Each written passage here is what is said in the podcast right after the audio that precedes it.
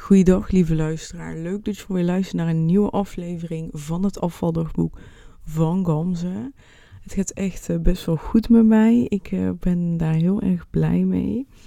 En uh, ja, ik dacht eigenlijk een beetje van, ja, maar ga ik deze aflevering delen? Ik weet het niet zo goed. En toen dacht ik, ik zet hem gewoon aan en ik ga gewoon tegen jou praten. En ehm, ja, en je praat waarschijnlijk niet terug. Als je wel graag wilt terugpraten, dat kan. Stuur mij vooral een berichtje via Instagram. Ik vind altijd leuk om te horen wat je van mijn podcast vindt. Um, zeker hè, als je feedback hebt, laat het ook vooral weten, want dan kan ik er ook wat aan doen. En ja, ik heb dus nagedacht van, wat ga ik nou vertellen? En uh, één ding kwam wel uh, in me op. Zoals je weet, ik ben lekker uh, bezig met het implementeren van koude prikkels, van warme prikkels. En uh, dat gaat eigenlijk best wel goed. Ik uh, heb nu, um, ja, afgelopen week kan ik niet helemaal meetellen, maar ik heb totaal al vier keer in, uh, in het kou gewandeld. Dus zonder t-shirt. En dat ging eigenlijk um, heel erg goed. En wat ik dus merkte is dat mijn lichaam zich echt ontzettend snel aanpast. En dat is zo ontzettend mooi. En volgens mij kreeg ik dat besefmomentje ook uh, toen ik deze podcast aan het opnemen was. Maar daar twijfel ik over. Dus ik vertel even heel kort het verhaal. En dat is dat ik de eerste keer toen ik in die koude prikkel ging opzoeken, dus ging anderhalf uur ging wandelen in de kou, had ik echt er uh, bijna twee uur nodig om um, weer helemaal opgewarmd te zijn. Dus ja, ik ga dan gewoon uh, thuis. Uh, doe ik dan een dikkere trui aan en that's it. Dus niks bijzonders. Maar ik merkte echt dus dat, um, dat ik na vier keer al, uh, in plaats van twee uur hersteltijd van de kou, maar een half uurtje ongeveer had. Dus ik dacht echt, wow, zo snel. Zoveel progressie in het opwarmen van je lichaam. Dat dat, hè, je lichaam heeft toch een temperatuur in zich. En dat die zich zo snel kan aanpassen. Echt ontzettend vet. Ja, in het begin, uh, als je thuis bent, is het wel... Uh, ja, dan kan je niet op je telefoon zitten. Kan wel, maar typen gaat echt moeilijk en zo. Maar uh, ja, eigenlijk denk ik dan bij mezelf is alleen maar goed. Want ik wil minder op mijn telefoon zitten. En zo heb ik een reden om niet op mijn telefoon te zitten. Dus alleen maar goed. maar ja, dus ik ben heel erg blij met het implementeren van die koude prikkels. Dat gaat uh, eigenlijk heel erg goed. Maar was het nou woensdag of donderdag? Ik denk dat het woensdag was. Woensdag. Um, ja, het was woensdag. Woensdag had ik uh, weer een coachingsgesprek in de ochtend. En dat was echt super tof. Het was echt een ontzettend fijn gesprek. En uh, ja, dat was echt een hele goede klik. En uh, ja, we hebben er echt mooie dingen uit kunnen halen. Um, ik heb echt een spiegel voor haar kunnen houden. En daardoor besefte ze dingen die ze eerder nog niet zag. En dat vind ik echt ontzettend mooi. We hebben allemaal overtuigingen. We hebben allemaal belemmerende overtuigingen. Dat zijn overtuigingen die ons in de weg staan. En bij de ene overtuiging weet je dat je hem hebt, dat hij belemmert, en de andere weet je dat nog niet. En soms heb je dus daarvoor iemand nodig om te kunnen beseffen van hé, hey, maar dit, dit doe ik inderdaad. Ik heb niet door dat dit een overtuiging voor mij is. En um, juist door als coach zijn die spiegel voor iemand te houden. Um, kan iemand dus veel sneller aan de slag gaan met die belemmerende overtuiging dan als hij het niet had geweten en misschien wel drie jaar had geduurd voordat hij er zelf achter was gekomen. En ja, dat, dat is ook de reden waarom dat ik zelf zoveel uh, coaching neem. Is omdat iedereen zijn eigen overtuigingen heeft en die krijgt er nieuwe bij. Uh, maar als het goed is, hè, doordat je juist die zelfontwikkeling doet, krijg je er steeds minder bij.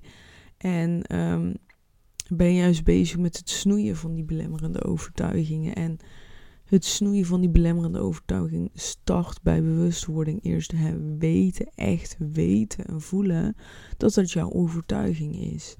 En uh, ja, en bijvoorbeeld als ik um, echt zo onzeker zou zijn over mijn lichaam, over hoe ik eruit zie, echt zo hoge mate, dan zou ik nooit uh, mezelf laten zien op Instagram. Dan uh, kan ik wel mijn best doen om het te proberen en weet ik wat. Maar als mijn belemmerende overtuiging is, ja, ik ben het niet waard om op Instagram mezelf te laten zien, want ik ben te dik. Dan uh, kan ik er um, rationeel wel echt alles aan gaan doen om het te doen. En dan deel ik wel eens een keer een foto. Dan deel ik wel eens een keer dit. Maar dan zie je weer drie maanden geen foto of iets. Omdat ik die belemmerende overtuigingen eh, heb. En dan kan je wel proberen te werken aan. Nou, ik uh, moet dat gewoon laten zien. Weet je wat? Ik ga nieuwe regels met mezelf afspreken. Ik ga drie keer in de week mezelf laten zien. Dit, dat. Maar in de kern ga jij last blijven hebben van het feit dat jij vindt dat je het niet waard bent. Dat jij uh, vindt dat anderen jou niet hoeven te zien in deze staat. Dus wanneer jij gaat werken aan, nou, ik ben het wel waard, ik mag mezelf laten zien, zowel hè, in de fysieke wereld als in de social media wereld, dan uh, en je gaat daar, je gaat dat steeds beter voelen, dan ga je ook daarna handelen. Dus dan ga je uit jezelf al de wil hebben om jezelf op Instagram te laten zien. En ik denk dat daar echt de kracht in zit, in te werken van, nou, wat is die blemmerende overtuiging? En daar bewust van worden. Want als jij bewust bent, oké, ik, ik laat geen foto's zien op Instagram, omdat ik vind dat ik het helemaal niet waar ben, dan kan je ook makkelijker toch foto's online gaan zetten, omdat je weet dat het onzin is. Je bent het wel waard. En dan kan je dat ook letterlijk zo tegen jezelf zeggen en je doet dat. En dan kan je steeds meer met die belemmerende overtuiging werken. En door te werken, werken, werken, werken, ga je uit jezelf die behoefte al creëren om wel op Instagram te zitten. In ieder geval, dat is wat ik zelf heel erg merk in eigenlijk alles. Doordat je bewust wordt, kan je tegen jezelf tegenspreken. En uh, vanuit daar kan je daaraan werken, aan die belemmerende overtuiging. En ga je uit jezelf al de wil creëren. Um, ik heb dat bijvoorbeeld heel erg ook met eten gehad. Door heel erg te focussen op dit mag niet, dit mag niet, dit mag niet. Wilde ik het juist heel graag, maar juist door het los te laten. Uh, en die belemmerende overtuiging die ik had van, ja, ik mag dit allemaal niet eten, want dan val ik niet af, dan kom ik weer aan en dat soort dingen. Uh, kreeg ik gewoon veel meer die rust. Kreeg ik uit mezelf niet eens meer de behoefte om uh, het op de hoeveelheid te consumeren als wat ik daarvoor had. Dus um, ja, belemmerende overtuigingen is gewoon heel belangrijk. En door een coach, in ieder geval ik zie het echt zo, is echt een prachtig middel om um, het op een snellere manier achter, achter te komen dan als je het helemaal in je eentje zou doen. Dus uh, ik geloof wel dat je het in je eentje kan, zeker weten. Maar ik denk dat het ook een heel mooie stok achter de deur is. En dat zij, uh, zij ook woensdag tijdens het gesprek van... Ja, bepaalde dingen weet ik wel, maar um, ja, zo door de week raak ik dan die dingen kwijt. En is het gewoon fijn om een stok achter de deur te hebben door uh, die gesprekken één keer in de twee weken te hebben, waardoor je gewoon hem meer die commitment voelt. En ik, ik heb dat zelf ook eigenlijk. Ik vind het gewoon fijn om een commitment aan te gaan met iemand anders, omdat ik ook een bepaalde verantwoordelijkheid dan voel. En ik investeer geld in die coach en ik voel dan die verantwoordelijkheid van ja, ik heb een investering gedaan, dus ik vind ook um, ja, dat ik daar alles uit moet halen. Dus uh, ja. Ja, dat dus. En het was echt gewoon een super tof gesprek. Ik vond het heel fijn. Ik uh, moet ook gewoon zeggen, voordat ik al die gesprekken aanging, ik had dan nog geen ervaring als coach, um, was het voor mij gewoon heel anders. Um, in de zin van, dat ik wel onzeker was over mijn eigen vaardigheden als coach, omdat ik hem nooit bewust heb toegepast. Natuurlijk komen vrienden naar mij toe en dan uh, uh, vragen ze advies of hou je de spiegel wel eens voor. Maar dat is natuurlijk heel anders. En ja, nu heb ik eindelijk die ervaring als Gamze de coach. En ja, het bevalt me eigenlijk heel goed. En ik moet ook zeggen dat ik vind dat ik het gewoon echt goed doe. Dat ik voor de ervaring die ik heb, hè, ik sta nog helemaal aan het begin van hè, mijn rol als coach. En dan denk ik, nou, ik vind echt dat ik het goed doe voor iemand die net is begonnen. En dat vind ik zo ontzettend mooi van mezelf. Dat ik gewoon echt kan focussen op van, nou, ik vind echt dat ik dit goed doe en dit en dit. En dat ik niet focus op van, nou, dit kan beter, dit kan beter. En natuurlijk kunnen de dingen beter. En uh, ik ga daar ook op focussen om dat te verbeteren. Maar gewoon vanuit liefde, vanuit plezier. En dat vind ik heel mooi. En als ik dan kijk naar mezelf als belastingadviseur, dan uh, stond ik ook aan het begin van de weg. En was ik alleen maar aan het opnoemen wat nog niet goed ging, wat nog beter kon. En, uh, en dat deed ik op een negatieve manier. En daar zit het verschil in. Nu denk ik, maak ik in mijn hoofd de dingen die goed gaan heel groot. En um, de dingen die ik beter kan doen, die, uh, die zijn er ook. En daar focus ik op een positieve manier op. Van, oh, ik wil dit heel graag beter doen, want ik wil nog beter in mijn werk worden. Dus ik vind dat gewoon echt ontzettend mooi. Gewoon vanuit positiviteit volledig naar mij als coach kijken. Heel mooi, want dat heb ik eigenlijk bij... Uh, als Gamza de belastingadviseur nooit gedaan. Is me niet gelukt. En dat is helemaal niet erg. Daar heb ik ook van geleerd. Want ik heb ook wel bewust echt gevoeld zo van ik wil niet meer zo zijn. Ik wil niet zo kritisch naar mezelf kijken zijn. En ik weet ook wel dat de omgeving, dus de bedrijven waar ik heb, heb gewerkt, die kritische blik ook wel heel erg stimuleerde. Um, dus dat het deels bij mij lag, maar deels ook zeker bij de organisaties. En dat is gewoon prima. Want ik werk daar nu niet meer. Dus ik heb dat organisatiedeel weg. En ik heb dus ook aan mezelf gewerkt. En uh, ik denk nu dat het heel mooi is om gaan inleiden wat ik echt in het begin al wilde vertellen. En dat is um, dat ik heel trots ben op um, mijn manier van kritische blik naar mezelf als coach. Um, maar dat de kritische blik uh, naar Gamze, de student, wel echt veranderd mag worden.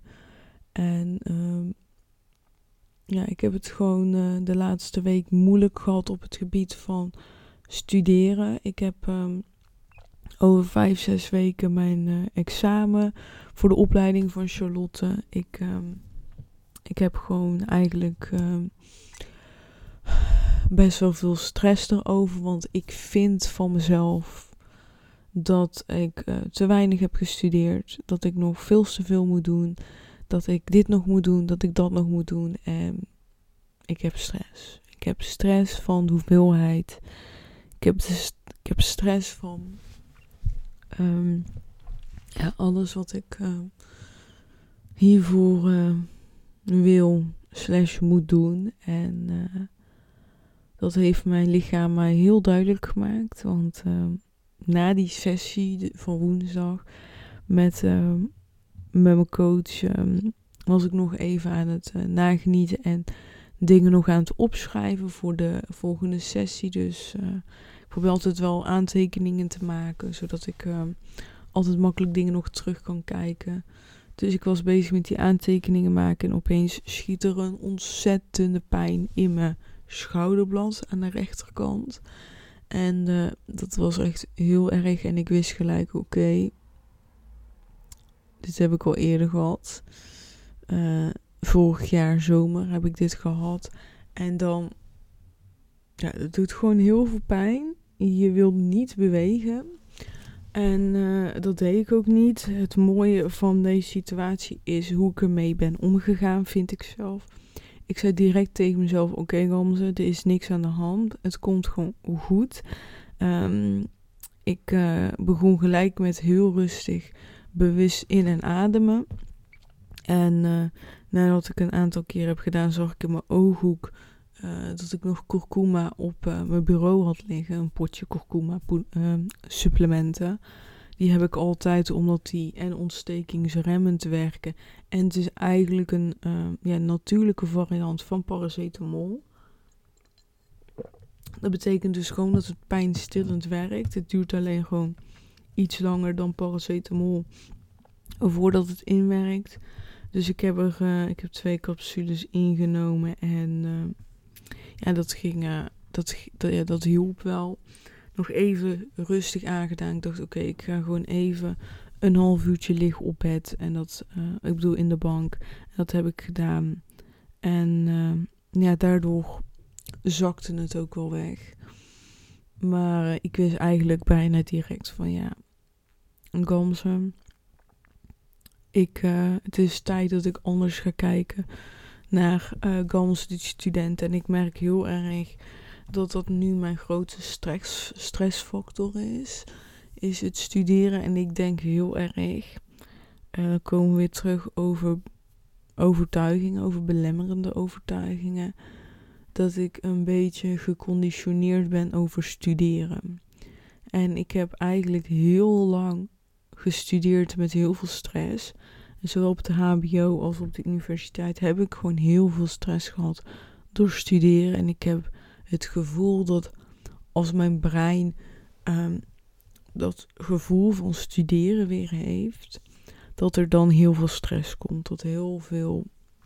Um, ja, en ik merkte dat ook voor de, twee weken voordat uh, de studie begon, kreeg ik ook al. Uh, sorry, ik moet gapen. Kreeg ik ook heel erg het gevoel van uh, stress. Van, oh, ik begin nou weer aan een studie en ik moet veel lezen. Ik moet dit doen, ik moet dat doen. Toen kreeg ik ook dat gevoel van, oh, het zit helemaal tot hier. En ik denk echt dat het komt door um, zo'n lange vervelende ervaring hebben met, met studeren. Want ik vind nu studeren uh, veel leuker. Uh, ik zit in een superleuke klas. Um, ik heb best wel leuke docenten. De ene is natuurlijk leuker dan de ander, maar dat hou je gewoon altijd en dat is niet erg. Maar het is gewoon echt ontzettend leuk de stof die ik leer vind ik heel leuk. Maar ik heb gewoon heel vaak het gevoel dat ik weer in dat oude hokje word gestopt. En daar kan de omgeving, dus de docenten, Charlotte, de opleiding, totaal niks aan doen. Dit is herkenning vanuit mijn brein van, oh, maar studeren vinden wij niet leuk. Want de master vonden we niet leuk, het HBO vonden we eigenlijk niet leuk. En studeren betekent automatisch stress voor mij. En nu we richting het tentamendata gaan, wordt die stress alleen maar erger, omdat dat toen ook allemaal erger werd. En ik weet gewoon bijvoorbeeld mondeling, daar heb ik best wel veel vertrouwen in. Ik denk, nou, dat komt wel goed. Wat ik spannend vind, is dat ik iemand tegenover me krijg die ik niet ken. En eigenlijk iedereen die ik nu coach, die kiezen bewust mij als coach. Hè, die ik heb, ik heb op Instagram een, um, in de stories gezegd, nou, ik uh, zoek mensen. Dus als je wil aanmelden, dan kan dat. Stuur mij een berichtje. En mensen hebben mijn bericht gestuurd. Dus ze kiezen bewust voor mij als coach. En straks in dat mondeling is het gewoon een random iemand die ik niet ken. Dus ja, dus dat is gewoon eigenlijk heel anders. Um, dus ja, ik vind, ik vind dat gewoon moeilijk, heel eerlijk. Ik vind dat gewoon echt, echt moeilijk. En wat ik probeer is gewoon, um, ik ben er bewust van. Ik probeer tegen mezelf te zeggen, oké, okay, Gamze, ik doe mijn best. En meer dan mijn best kan ik niet doen. Um, en ik denk ook van, ik ben naar alle lessen geweest. Ik heb alles gehoord. Ik lees alles. Um, dus het komt gewoon goed. Ik heb vertrouwen in mezelf, in mijn eigen kennis en kunde. En ik denk, probeer ook te denken van ja, en dan, als ik het niet haal, dan herkans ik het maar. Het is prima. Het is goed zo. Ik weet wat mijn eigen kwaliteiten zijn. En um, En na deze opleiding wil ik eigenlijk nog heel veel andere opleidingen doen. Ik heb wel besloten om dat niet helemaal on hold te zetten, maar daar wel anders mee om te gaan. Dus als ik een andere studie doe, dat ik misschien dan al minder bij Starbucks werk, zodat ik iets minder die druk kan creëren. En dat ik iets meer tijd heb door de week, overdag ook, om te studeren, omdat ik eigenlijk meer iemand ben die overdag studeert in plaats van in de avond. En nu wordt het, uh, ja, moet ik soms gewoon in de avond dingen doen. En dat vind ik ook niet fijn. Dus daarin ook weer meer die relaxheid te creëren. En ik heb ook wel uh, wat zelfstudies uh, online gevonden die me ook heel erg aantrekken. Dus dan ga ik waarschijnlijk meer een zelfstudie doen. Dus um, ja, ik ben heel erg benieuwd. Ik, uh, we gaan het meemaken, zullen we maar zeggen. Ik uh, ja, vind het toch wel uh, spannend, de studie, maar uh, ja, ik hoop dat ik het gewoon in maart ga halen. Dat wil ik echt heel graag, want ja, als ik brain balance coach ben, hoop ik dat er gewoon nog meer deuren voor me open gaan. Dat ik vanuit daar mooie klanten kan krijgen en ik, um, ja, ja, en ik gewoon echt een mooie start kan maken aan mijn bedrijf. Dat wil ik zo graag. Want nu ik ook heb ervaren hoe het is om anderen te coachen, zie, voel ik hoe leuk ik het vind. En uh, ja, ik gun mezelf om het uh, bij nog meer mensen te doen. En uh, ja, het is ook gewoon fijn om meer inkomsten te hebben dan dat ik nu heb. Omdat gewoon de studies bijvoorbeeld die ik wil gaan doen, maar ook de coaching die ik volg zijn best wel prijzig. En dan is het gewoon fijn om een extra inkomstenbron te hebben vanuit, uh, zodat ik vanuit daar die uh, dingen kan bekostigen. Omdat ik het weet dat iedere euro waard is. Alleen heb ik wel iets meer euro's nodig. Maar dat komt helemaal goed. Daar heb ik alle vertrouwen in. Um, ja, dat was eigenlijk deze aflevering. Ik ga zo meteen wandelen wandelen in mijn korte mouw, mouwen weer. Dus uh, ja, komt helemaal goed. Ik ga lekker een podcast opzetten, lekker doorwandelen. En uh, ja, ik, ik, het is nu kwart voor negen in de ochtend en om één uur begin ik met werken. Dus ik heb lekker de tijd. En uh, ja, ik heb wel behoefte om even een momentje voor mezelf te hebben op, door even te gaan wandelen. Dus dat ga ik doen. Hele fijne dag of hele fijne avond. En eh, we spreken elkaar snel. Doei doei.